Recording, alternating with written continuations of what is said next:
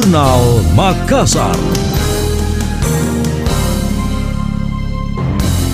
Seorang siswi SMP korban pemerkosaan perwira polisi dinilai merasa tertekan. Kepala Dinas Pemberdayaan Perempuan dan Perlindungan Anak DP3A Aci Soleman menolak berkomentar mengenai peristiwa tragis yang menimpanya. Selain diperkosa, korban juga dijadikan bodak seks. Sejauh ini tim dari DP3A terus melakukan penelusuran lokasi korban. Laporan domisili yaitu Barombong atau di luar kota Makassar. Meski demikian, pihaknya tetap siap memberikan pendampingan hukum hingga memulihkan trauma. Jadi kalau misalkan ada informasi yang kita tahu, kasih tahu Kak dulu. Ini strateginya kalau kita berhadapan dengan oknum aparat deh, ini amankan dulu kodong yang korbannya. Ini saya yakin ini korban ada sih, hanya dia sudah dalam keadaan tertekan, jadi dia tidak mau lagi dibantu. Dia bilang daripada saya diintimidasi terus, kemungkinannya seperti itu deh, karena kita hubungi dia lewat telepon yang nomor yang dikasih tidak diangkat. Terus nomor lain yang kita hubungi juga termasuk keluarganya juga tidak diangkat kemungkinan besar mungkin dia sudah tidak mau lagi berkomentar seperti itu. Jadi kalau saya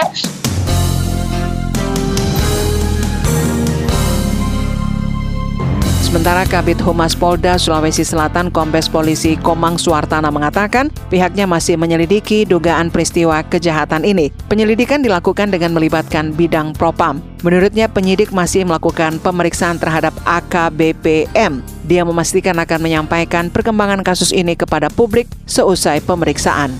Anda masih mendengarkan Jurnal Makassar dari Radio Smart FM.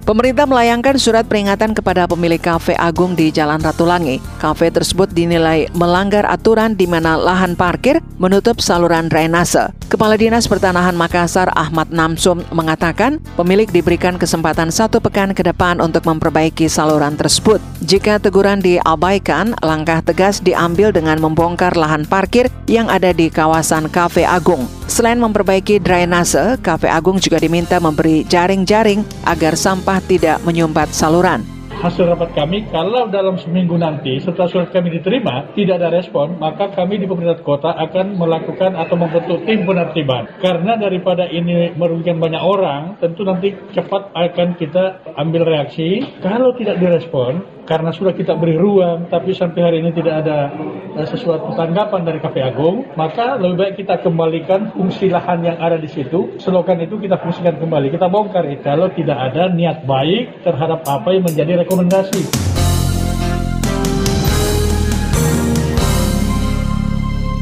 Kepala Dinas Pertanahan Makassar Ahmad Namsum menambahkan, penutupan saluran drainase yang merupakan fasilitas umum atau FASUM harusnya ada izin dari pemerintah yang dituangkan dalam perjanjian kerjasama yang ditindaklanjuti sewa lahan.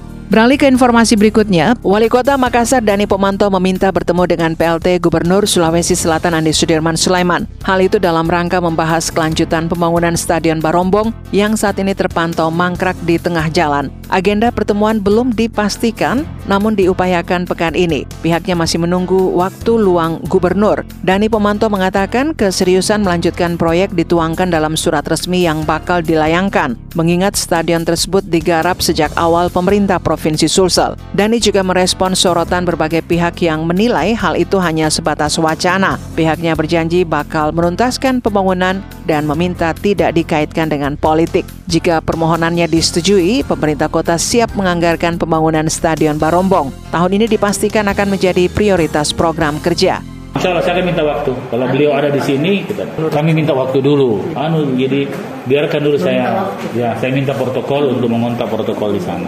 Kalau beliau bisa uh, menerima kami, ya alhamdulillah. Tapi kan kita lihat dulu tahu agendanya beliau. Minggu inilah, minggu inilah kita akan sampaikan bahwa ini justru bukan eh, kalaupun jadi itu eh, provinsi dan kota. Ini bentuk kolaborasi nyata. Cuma karena eh, politik anggaran itu harus jelas sehingga kami minta supaya kami bisa kelola aset ini. Itu saja. Seandainya tidak perlu begitu, kita kolaborasi.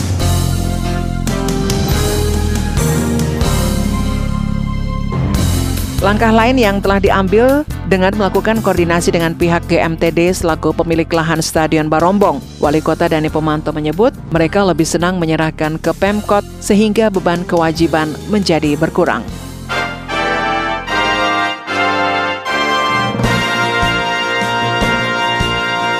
Demikian tadi, Jurnal Makassar.